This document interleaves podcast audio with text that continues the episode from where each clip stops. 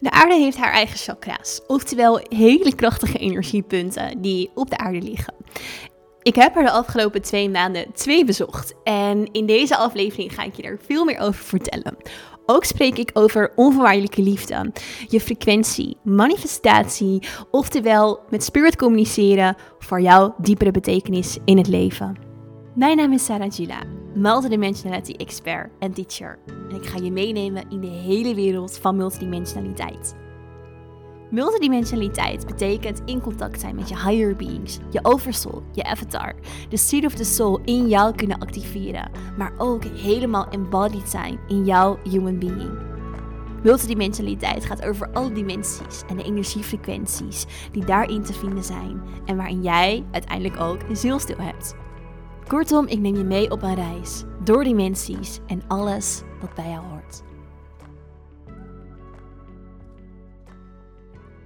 Yes, welkom terug bij weer een nieuwe aflevering van de Inspirit Podcast. Super fijn en leuk dat je luistert. Ik ben er heel even twee weken tussenuit geweest met een aflevering. En dat komt omdat ik, um, ik zat in Nepal en ik had eigenlijk bedacht om daar ook um, een podcastaflevering voor jullie op te nemen. Maar dat lukte eigenlijk niet. Ik was daar uh, ook even flink ziek en ja, het was daar ook heel druk. Uh, er gebeurde van alles, dus het lukte gewoon niet om er een moment voor te vinden. Maar nu ben ik terug op Ibiza. Ik ben fijn weer thuis. En ik dacht, ik ga nu gelijk even achter de podcastmicrofoon zitten en voor jullie weer even een aflevering opnemen. En ik vond het eigenlijk wel leuk om in deze aflevering dus ook wat meer te vertellen over Nepal. Want wat ging ik er nou doen? Waar, ging ik heen? Hoe heb ik de energie ervaren? En um, ja, wat ging ik er doen? Ik ging met mijn vriend mee. Mijn vriend is um, of eigenlijk tien, of het is tien jaar geleden bijna, is er een uh, hele grote aardbeving geweest in Nepal. Misschien kan je dat nog wel herinneren. Het is toen ook heel groot natuurlijk in het nieuws geweest. En um, hij liep toen net daarvoor uh, daar stage. En hij was net twee weken terug in Nederland. En uh, toen was de aardbeving daar. En hij liep stage bij uh, weeskinderen. En um, die stonden op straat toen met de aardbeving. En hij is gelijk daarna eigenlijk teruggegaan na de aardbeving om voor die kinderen te zorgen. Om uh, ja, de zorg voor hun op zich te nemen. Omdat ja, er eigenlijk niemand was die op dat moment voor de kinderen kon zorgen. En um, ja, het, hele land natuurlijk uh, in, in echt een, een hele um, ja, rampstaat was door de aardbeving. En zo is hij daar, ja, eigenlijk um, de Onweer Foundation begonnen. Onweer is de naam van een van de kinderen. En um, hij wil deze elf weeskinderen echt een heel goed leven daar geven. Um, als in een toekomst geven. En dat is in Nepal, de, de, mensen daar zijn zo arm en ze hebben zo weinig. En ze zijn zo aan het overleven allemaal. Dat hij deze elf kinderen nou ja, in ieder geval een veilige plek wil geven, een dak boven, boven hun hoofd, te eten. En uh, daarbij ook, uh, nou ja, dat ze naar school kunnen. Want als je in Nepal niet naar school kan, dan heb je eigenlijk helemaal al geen toekomst. Um, en zo heb ik dat ook heel erg ervaren daar. Dus ik heb echt veel gereisd in mijn leven en um, heel veel plekken gezien. En Nepal is echt wel een van de plekken waar het gewoon zo arm is. En ik had ik had het toch iets anders verwacht. Ik dacht dat het, um, ik wist wel dat het heel arm zou zijn, maar ik had ook wel het gevoel dat er misschien ook nog wel wat rijkere mensen waren. Maar over het algemeen is iedereen er gewoon echt heel arm en echt heel erg aan het overleven. En dat zie je ook echt in de stad. Dus bijna alles is gewoon, ja, op die armoede, ja, gericht. Als in, er zijn allemaal hele kleine winkeltjes waarin je de basisdingen kan kopen, maar heel veel meer is er ook niet. En um, mensen hebben daarin ook niet echt heel veel voorbeelden als in van wat je van je leven aan de ene kant ook kan maken. Hè? Dus um, ze, ja, ze zijn gewoon heel erg ja, eigenlijk echt in die overlevingsstaat. Dus uh, nou, ik ging dus nu met mijn vriend mee naar, naar zijn leven daar. En om de kinderen eindelijk te zien. En dat was natuurlijk super bijzonder. En om ja, part of the family daar te mogen zijn. En ja, dat was echt. Ehm, toen ik aankwam, kreeg ik gelijk van Kalpana. Dus dat is de, de soort van de moeder die voor de kinderen zorgt. Ook als mijn vriend er niet is. Um, hij kan voor zijn gezondheid er niet altijd ook het hele jaar meer zijn. Um, en ja, om of die blessing zeg maar te krijgen van haar was, was heel erg bijzonder. En dat vond ik ook, um, de cultuur daar gaat heel erg over ook de rituelen. Dus mensen leven heel erg met, met de rituelen en met, um, ja, echt heel dicht bij je spirit. Alleen wat ik heel interessant vond en waar ik dus ook over aan het nadenken was, is ondanks dat mensen zo dicht bij spirit leven, hebben ze niets. Terwijl als we eigenlijk kijken hè, naar um, het Westen en hier, we zijn allemaal steeds meer bezig met manifesteren en we zijn steeds meer bezig met, um, nou ja, ja, eigenlijk juist meer gaan leven met de energie, omdat we meer in ons leven ook willen ervaren, een, een hogere kwaliteit van leven, een diepere connectie um, en toch ook voor veel mensen op een bepaalde manier meer abundance, oftewel juist niet een tekortgevoel, dus eigenlijk uit het overleven staan en dieper zakken in het leven, in de diepste essentie van het leven. Leven met spirit, leven met jouw hogere zelf, leven met dat wat jij in de diepte bent. Um, en de mensen daar doen dat eigenlijk al juist heel sterk. Maar ze hebben daarna niets en ze zijn juist heel erg aan het overleven. En dat vond ik wel interessant om daar ook bij stil te staan van... hé, hey, wat is dat dan eigenlijk? Hè? Dat, dat wij juist om een soort bevrijding te ervaren in het leven veel dieper connecten met spirit. Of dat is in ieder geval het pad wat veel mensen aan het belopen zijn ook vandaag de dag. Terwijl dat daar al gebeurt. Alleen, ja, de mensen hebben nog steeds bijna niets. En waar ik toen op uitkwam, toen ik daarop aan het reflecteren was, is dat het vooral ook heel sterk gaat over actie en verantwoordelijkheid nemen. En de Nepalezen hebben dat ook iets minder sterk in hun um, mentaliteit. Ze, ze hebben dat gewoon iets minder in zich. Maar ook omdat eigenlijk in het land, er, er zijn zo weinig mogelijkheden, dat het dus ook heel moeilijk is om actie te nemen of om in die verantwoordelijkheid te gaan staan. Om ook echt zeg maar iets te gaan doen. Dus ze hebben wel bijna voor alles een god. Een god voor de was, een god voor, nou ja, letterlijk voor bijna alles.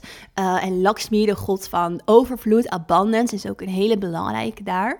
Die aanbidden ze wel. En ze maken dus daarin eigenlijk verbinding met die energie. Dus als we vanuit het multidimensionale kijken naar de goden, dan zijn de goden eigenlijk gewoon aspecten van het zijn. Dus een God is een aspect van de multidimensionale frequentie van abundance. Een frequentie in het veld die op alle lagen doorwerkt van het hebben van overvloed. En een God is eigenlijk een stukje human, humanificatie, een stukje ja, human being wat eraan gekoppeld is, zodat wij als mens ons daar makkelijker mee kunnen verbinden, um, er makkelijker contact mee kunnen maken en daardoor dus ook makkelijker kunnen verbinden met dat aspect van ons zijn. In dit geval dus bijvoorbeeld overvloed. Maar dan nog vinden ze het dus lastig om echt in dat stukje actie te gaan staan van wat hoort daar dan bij? Wat moet ik dan in mijn eigen human being doen om die overvloed te ervaren? En dat komt omdat er gewoon heel weinig mogelijkheden daar zijn. En, en dat vond ik wel een hele interessante, wat ook dus laat zien hoe belangrijk dat is voor ons, omdat wij wel die mogelijkheden hebben. Verbinding maken met, oké, de energie van bijvoorbeeld Lakshmi, van overvloed. Uh, maar wat mag ik daar dan vanuit mijn eigen centrum in doen? En tegelijkertijd is dat natuurlijk ook weer heel erg de kern van multidimensionaliteit. Dat we zelf verantwoordelijkheid mogen nemen. Dat we zelf in onze eigen volste potentie kunnen staan en onze destiny timeline kunnen belichamen. Want wat heel veel mensen ook doen in het spirituele is bijvoorbeeld contact maken met de spirit guides. Wat heel mooi is en heel waardevol. Alleen het zijn andere beings. Het is niet jij. Terwijl als je vanuit het multidimensionale leert met de totaliteit van jouw uitleiding te werken, het higher being, de totaliteit van jouw zijn tot aan de oversoul aan toe, dan is dat volledig jouw eigen zielslijn waar je dan mee werkt. En daar zit eigenlijk nog veel meer kracht in dan jouw energie via een andere being, een spirit of wat dan ook, um, te, te, te channelen of te laten stromen of daar je verantwoordelijkheid neer te leggen. Dat is natuurlijk wat veel mensen ook doen. Van hey, oké, Spirit Guide, help me om dit en dit te bereiken. En dat is ergens heel mooi, want ze zijn er daarin ook voor. Maar hoe ik het meer zie als een aanvulling op jouw eigen zielslijn. Oftewel, jouw human being, zielsdeel wat hier geïncarneerd is, je higher beings, je oversoul, dat is eigenlijk al zo krachtig. Helemaal verankerd in alle dimensies en dus ook alle universele wetten die horen bij die dimensies. Waardoor je die spirit guide meer als aanvulling en ondersteuning gebruikt, in plaats van dat je je eigen energie of verantwoordelijkheid weglegt buiten jezelf. Dat is een groot verschil. En nou ja, dat vond ik dus ook weer een hele mooie uh, spiegel die Nepal me eigenlijk liet zien en die Nepal me eigenlijk gaf. Van hey, zo, um, dit, dit is dus belangrijk. Dit zijn belangrijke waardes om um, ja, echt voor je, in jezelf ook te belichamen. Dus, um, en daarnaast natuurlijk de energie in uh, Nepal. Um, wat ja, wat ook weer heel bijzonder was om te ervaren. Want ik was begin september ben ik twee weken in Egypte geweest, waar ik natuurlijk ook een de podcastaflevering over heb opgenomen. Toen uh, even naar Portugal, toen twee weken op Ibiza en toen naar Nepal. En Egypte is de plek op de aarde waar het keelchakra ligt. Dus de, uh, de aarde heeft ook chakra's. De aarde heeft plekken um, op de aarde die hele belangrijke um, energiecentra zijn. Noemen we eigenlijk de chakra's van de aarde. Dus daar is die energie die resoneert het sterkst met de kwaliteiten van ook onze chakra's. Nou, daarin is um, Egypte het keelchakra. Misschien is het leuk om ze allemaal een beetje af te gaan. Um, we hebben bijvoorbeeld het root chakra, die ligt in uh, Californië, in Mount Shasta. Um, dus daar is het heel erg over het eerste chakra, dus de basis, survival. Um, echt heel erg die grounding, grounding energy. Dan wordt er gezegd dat het um, chakra ligt in Lake Titicaca. Volgens mij spreek ik het zo uit. Uh, in of op de grens van Peru en Bolivia. Dit is het tweede chakra, dus heel erg de energie van uh, creativiteit, manifestatie, um, uh, ja, op een bepaalde manier ook zelfverzekerdheid, seksualiteit. Dus die flowy energie. Het is ook weer leuk dat die dus in een meer ligt, want meer is water. En sensual energy, sexual energy is ook natuurlijk dat water um, element. Dus dat zie je daarin ook echt terug. Dan de solaris plexus, dus derde chakra, ligt um, in Uluru. Um, en dit is natuurlijk echt weer de plek van ja, mega uh, fiery, vuur, kracht, uh, confidence, je ik-centrum. En Uluru in um, Australië is, ja, het zijn de rode aarde, de rode rotsen. Dus ook ergens een beetje dat vurige, wat daarin ook weer, weer terug te zien is. Um, in, in die plek. Nou, het hart chakra ligt in um, Stonehenge, dus bij Glastonbury in Engeland. Um, ja, een super krachtige plek waar juist ook heel erg de hartsenergie doorwerkt. Ja, hart, hartchakra, hartsenergie, liefde, uh, eenheidsfrequentie, um, compassie, maar ook heling. Heling ook een hele sterke die daar ligt. Nou, en dan dus het keelchakra, waar ik net over vertelde, die dus um, ook een stukje in uh, Jeruzalem ligt, maar ook dus uh, bij de Great Pyramid in Giza in Egypte heel sterk verankerd is. Dus in Egypte, dus het, het keelchakra. Keelchakra natuurlijk je waarheid spreken, uh, voor jezelf eigenlijk ook opkomen, um, je eigen waarheid leven, verantwoordelijkheid nemen, dat is allemaal keelchakra. Nou, het, uh, wat, welke hebben daarna? Derde oog. Derde oog is ver, die verplaatst. Dus uh, derde oog verplaatst afhankelijk van um, de aarde en de as van de aarde die elke 2160 jaar verandert. Daar heb ik het vaker over gehad in podcast, dat de aarde elke 2160 jaar in eigenlijk een nieuwe frequentie shift, afhankelijk van waar de aarde ook naartoe gaat uh, in de melkweg. En daarin verandert ook de locatie van het um, derde oog. En um, er wordt gezegd dat hij op dit moment ook in Engeland ligt, bij Stonehenge. Dus um, eigenlijk in samenkomst met het hartchakra. Deze eeuw. Uh, en dat verandert dus ook weer. Um, kruinchakra is dus um, heel dicht bij Nepal. Nepal, uh, dak van de wereld, maar ook um, Tibet. Dus eigenlijk is die vooral geankerd in Tibet, maar de energie natuurlijk ook heel sterk uh, uitstromende naar Nepal. Uh, de berg Mount Kailash, um, dat is eigenlijk waar die het allersterkst in verankerd is in Tibet. Maar um, nou ja, dus ook heel sterk voelbaar is in de Himalaya, in Nepal, in het dak van de wereld. En kruinchakra is, nou ja, natuurlijk het chakra van wijsheid, uh, universal consciousness, um, ons hogere bewustzijn. Dat is, dat is waar, uh, waar het kruinchakra over gaat. En die energie dus ook heel erg voelbaar is in Nepal. En nou ja, hoe heb ik dat dan ervaren? Want ik ben natuurlijk op twee krachtplekken heel kort na elkaar geweest, Egypte en Nepal. Um, voor mij was het heel interessant om te voelen dat de energie in Nepal eigenlijk veel zachter was dan de energie in Egypte. Voor mijn gevoel was de energie in Egypte, die schud je door elkaar, die is zo vibrant, zo krachtig, zo buzzing, zo potent. Um, en in Nepal was die eigenlijk veel zachter, veel serener. Dus we zijn ook heel vaak bij uh, de stupa van Bodhanath geweest. Een van de lievelingsplekken van mijn vriend. um, en daar was het ook heel erg voelbaar. Echt een hele serene energie, een hele zachte energie.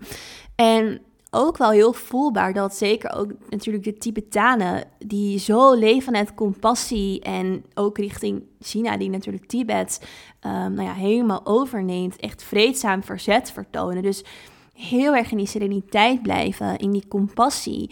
Um, dat vond ik ook heel erg voelbaar en zichtbaar. Dus je zag ook daar om de stupa uh, heel veel mensen, uh, Tibetanen, Nepalezen, met uh, mala-kettingen. Dus dat zijn die gebedskettingen met 108 kralen.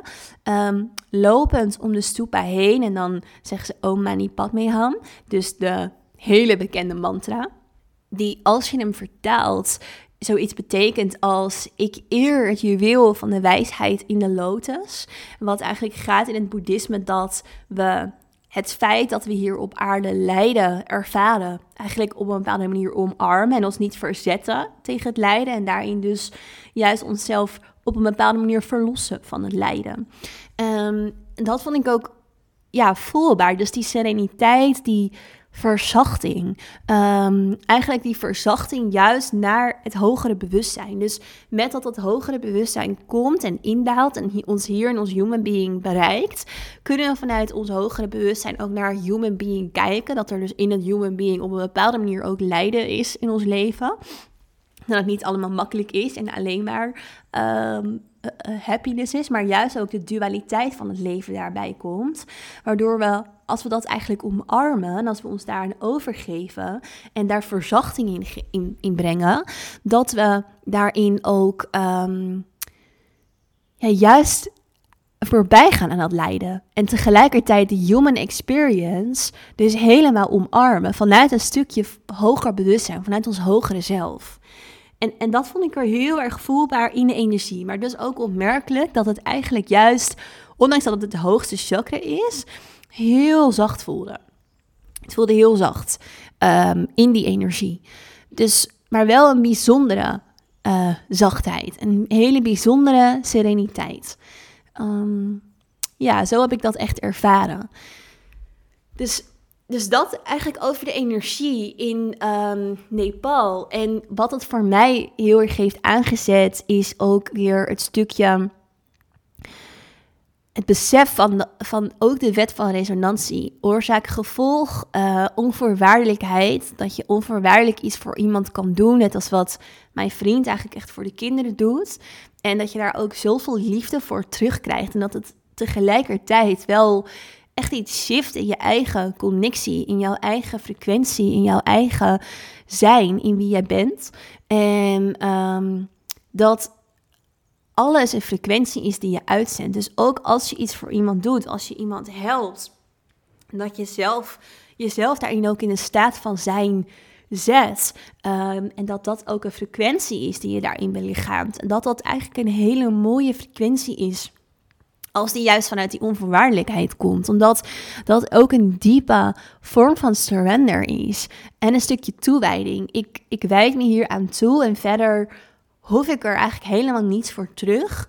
Ehm, maar dit voelt gewoon goed. Dit voelt als het juiste om te doen. Ik word begeleid om dit te doen. En juist ook een diep vertrouwen dat je daarin ook geguid wordt. En ik vond het heel mooi om te zien hoe dat ja, voor mijn vriend zo is uh, in Nepal. En um, nou ja, ook de kinderen daar natuurlijk, die, die allemaal weer iets leren. En um, ja, super mooi hoe ze ja, eigenlijk ook juist wel, ook vanuit mijn vriend weer een stukje ook hoop hebben in de toekomst en een stukje visie. En, en wat ik natuurlijk ook zei, hè, die verantwoordelijkheid nemen, dat dat een hele belangrijke is die um, ja, wij de kinderen natuurlijk ook bij willen brengen. En, en wat gewoon een hele belangrijke is als het überhaupt gaat over het leven in ons aardse zijn, in ons human being. Dat we ook vanuit ons human being echt tot die actie mogen komen en tot actie over mogen gaan. Dat dat, dat, dat echt fundamenteel is. Dus ik hoop dat je daar ook iets aan hebt voor jezelf. Van hé, hey, misschien zit je zelf ook in een fase nu waarin je denkt: hé, hey, hoe ga ik hier. Hoe ga ik hier iets van maken? Ik stem me af op spirit. Of misschien ben je ook zelf in een soort stukje overleving. Of misschien zit je in een zoekende fase of in een twijfel. Of misschien voel je juist heel veel joy en een vonk en energie. En denk je: oké, ehm, ik wil hier echt uh, ik wil iets van maken. En stem je af op spirit.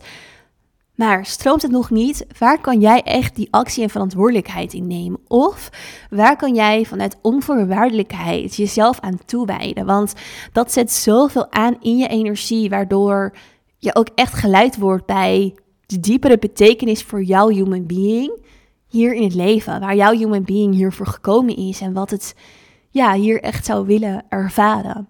Dus um, nou, die wil ik jullie meegeven. Um, en ik heb op Instagram heel veel vragen gekregen ook naar de stichting van mijn vriend. Dus ik dacht, ik benoem hem ook even hier in de podcast. Dat is dus de Onweer Foundation. En waarin we dus elf kinderen echt een toekomst willen geven uh, die geen ouders meer hebben. En uh, ja, daarin voor hun echt een verschil willen maken. Het is een hele kleine stichting. Dus mijn vriend en de kinderen. En Kalpana, de moeder, die ervoor zorgt. Uh, en wat mensen die helpen daar lokaal.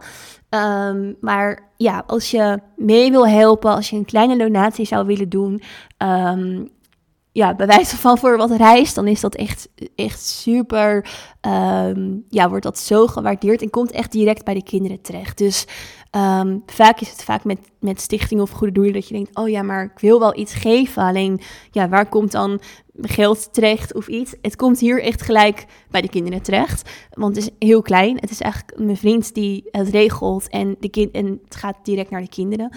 Dus um, ja, als je daarin wil helpen. Ik zal de link naar de stichting in de omschrijving zetten.